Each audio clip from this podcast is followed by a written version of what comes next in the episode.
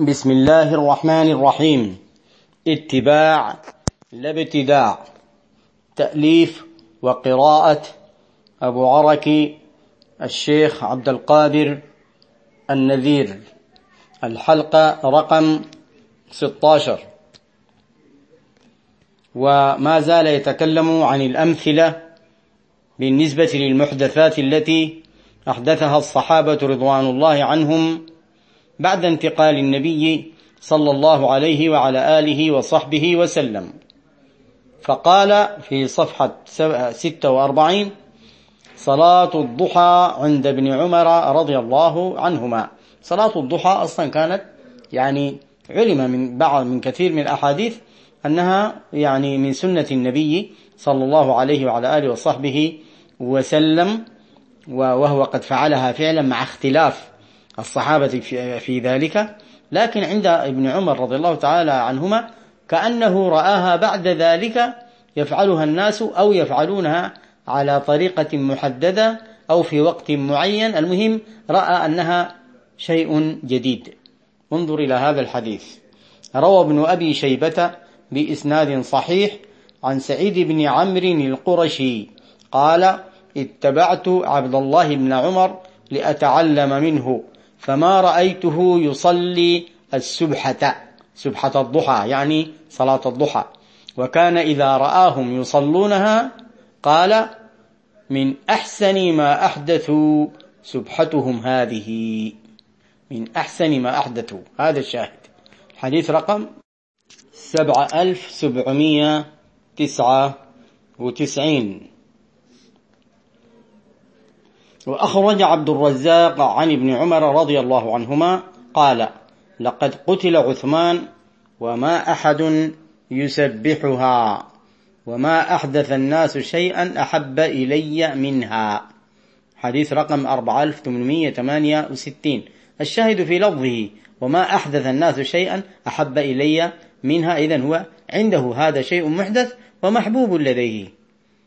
وفيه أيضا ما يعضد ذلك عن ابن جريج قال حدثني جعفر بن محمد أن علي بن أبي طالب كان يذكر, يذكر له هذه الصلاة التي أحدث الناس فيقول صلوا ما استطعتم فإن الله لا يعذب على الصلاة. حديث رقم 4865 يعني الشاهد فيه يذكر له هذه الصلاة التي أحدث الناس. قنوت عدد من الصحابة في صلاة الصبح. ومنهم سيدنا عمر رضي الله عنه كما في جامع عبد الرزاق عن أبي رافع قال صليت خلف عمر بن الخطاب الصبح فقنت بعد الركوع. قال فسمعته يقول اللهم إنا نستعينك ونستغفرك ونثني عليك ولا نكفرك ونؤمن بك ونخلع ونترك من يفجرك. اللهم إياك نعبد ولك نصلي ونسجد وإليك نسعى ونحفد ونرجو رحمتك ونخاف عذابك إن عذابك بالكافرين ملحق أو ملحق روايتان. اللهم عذب الكفرة وألق في قلوبهم الرعب وخالف بين كلمتهم وأنزل عليهم رجزك وعذابك. اللهم عذب الكفرة أهل الكتاب الذين يصدون عن سبيلك ويكذبون رسلك ويقاتلون أولياءك.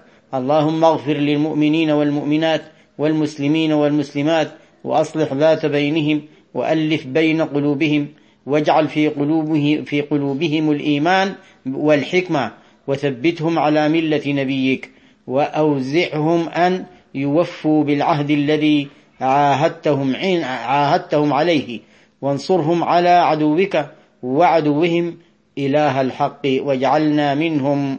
انتهى جزء ثلاثة صفحة 110 حديث رقم 4968 وانظر السنن الكبير للبيهقي رقم 3143 وشرح السنة للبغوي الجزء الثالث صفحة 131 وشرح معاني الآثار رقم أربعة رقم 1475 ومعجم ابن الأعرابي رقم 467 وابن أبي شيبة رقم 6893 قنوت ابن مسعود رضي الله عنه وسبع ألف واثنين وثلاثين قنوت عثمان رضي الله عنه وسبع ألف وتسعة وعشرين والبيهقي آه، ثلاثة ألف مية وستة عشر قنوت علي رضي الله عنه والدعوات الكبير للبيهقي 432 قنوت أنس رضي الله عنه. صحابة متعددون كل واحد منهم له قنوت قنوت فلان قنوت فلان قنوت فلان محدثات أحدثوها بعد النبي صلى الله عليه وعلى آله وصحبه وسلم. ثم قال عد التسبيح بالنوى ونحوه. وقد تقدم أن مثل هذا كان يحدث في زمن النبي صلى الله عليه وسلم ثم استمر بعد ذلك. عن يونس عن يونس ابن عبيد يقول لأمه ماذا رأيت أبا صفية يصنع؟ قالت رأيت أبا صفية وكان من المهاجرين من أصحاب النبي صلى الله عليه وسلم يسبح بالنوى. تابعه عبد الواحد ابن زيد عن يونس ابن عبيد عن أمه. قالت رأيت أبا صفية رجلا من المهاجرين يسبح بالنوى. أخرجه البغوي وأخرج من وجه آخر عن أبي بن كعب عن أبي صفية مولى رسول الله صلى الله عليه وسلم أنه كان يوضع له نطع جلد يعني ويؤتى بحصن فيسبح به إلى نصف النهار فإذا صلى الأولى ورجع أتي به فيسبح حتى يمسي. كذا في الإصابة باب الكنى حرف الصاد المهملة القسم الأول من ذكر له صحبة. وبيان ذلك ترجمة رقم عشر ألف مية واحد وأربعين أبو صفية مولى رسول الله صلى الله عليه وسلم. قال البخاري عداده في المهاجرين. والشاهد فيه هذه الكيفية من التسبيح والمدة الطويلة. وعن عكرمة أن أبا هريرة رضي الله عنه كان يسبح كل يوم اثنتي عشرة ألف تسبيحة. يقول أسبح بقدر ذنبي. كذا في الإصابة. باب الكنى حرف الهاء الجزء السابع رقم 4220 القسم الأول من ذكر له صحبة. وبيان ذلك ترجم رقم 10674 74 وذكر صحة سنده.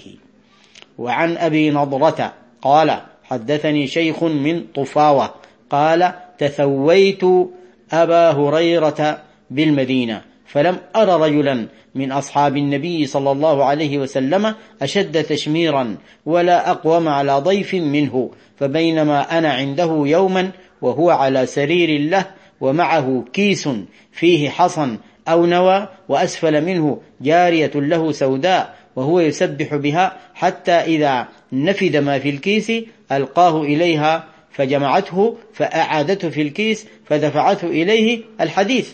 أخرجه أبو داود رقم 2174 وفي الحديث رجل لم يسمى لكن يشهد له ما قبله. تثويته أي جئته ضيفا والثوي الضيف. قراءة سورة والعصر عند الافتراق. عند يكونون متجمعين ثم يفترقون. أخرج الطبراني في الأوسط عن أبي مدينة الدارمي وكانت له صحبة. قال كان الرجلان من أصحاب النبي صلى الله عليه وسلم إذا التقيا لم يفترقا حتى يقرأ أحدهما على الآخر والعصر إن الإنسان لفي خسر. ثم يسلم أحدهما على الآخر. قال علي بن المديني اسم أبي مدينة عبد الله ابن حصن. انتهى رقم 5124 وأورده الهيثمي في مجمع الزوائد رقم 18198 وقال رواه الطبراني في الأوسط ورجاله رجال الصحيح غير ابن غير ابن عائشة وهو ثقة. انتهى. كثرة سجود أبي ذر رضي الله عنه بلا فواصل. أيضا هذا منه هو. أخرج أحمد في المسند عن مطرف قال قعدت إلى نفر من قريش فجاء رجل فجعل يصلي يركع ويسجد ثم يقوم ثم يركع ويسجد. لا يقعد يعني ليس لا يجعل هناك فواصل جلوس بين هذه الركعات. فقلت والله ما أرى هذا يدري ينصرف على شفع أو وتر على شفع على شفع أو وتر. فقالوا ألا تقوم إليه؟ فتقول له اذهب إليه وأخبره. طبعا هذا لم يكن يدري أن هذا آه، صاحب أن هذا صاحب النبي صلى الله عليه وسلم أبو ذر رضي الله عنه. قال فقمت فقمت فقلت يا عبد الله ما أراك تدري تنصرف على شفع أو وتر؟ قال ولكن الله يدري. سمعت رسول الله صلى الله عليه وسلم يقول من سجد لله سجدة كتب الله له بها حسنة وحط بها عنه خطيئة ورفع له بها درجة. فقلت من أنت؟ فقال أبو ذر. فرجعت إلى أصحابي فقلت جزاكم الله من جلساء شرا. أمرتموني أن أعلم رجلا من أصحاب رسول الله صلى الله عليه وسلم. انتهى رقم 21317 وأورده الهيثمي في مجمع الزوائد رقم 3502 وقال رواه كله أحمد والبزار بنحوه بأسانيد وبعضها رجاله رجال الصحيح. ونواصل إن شاء الله تعالى.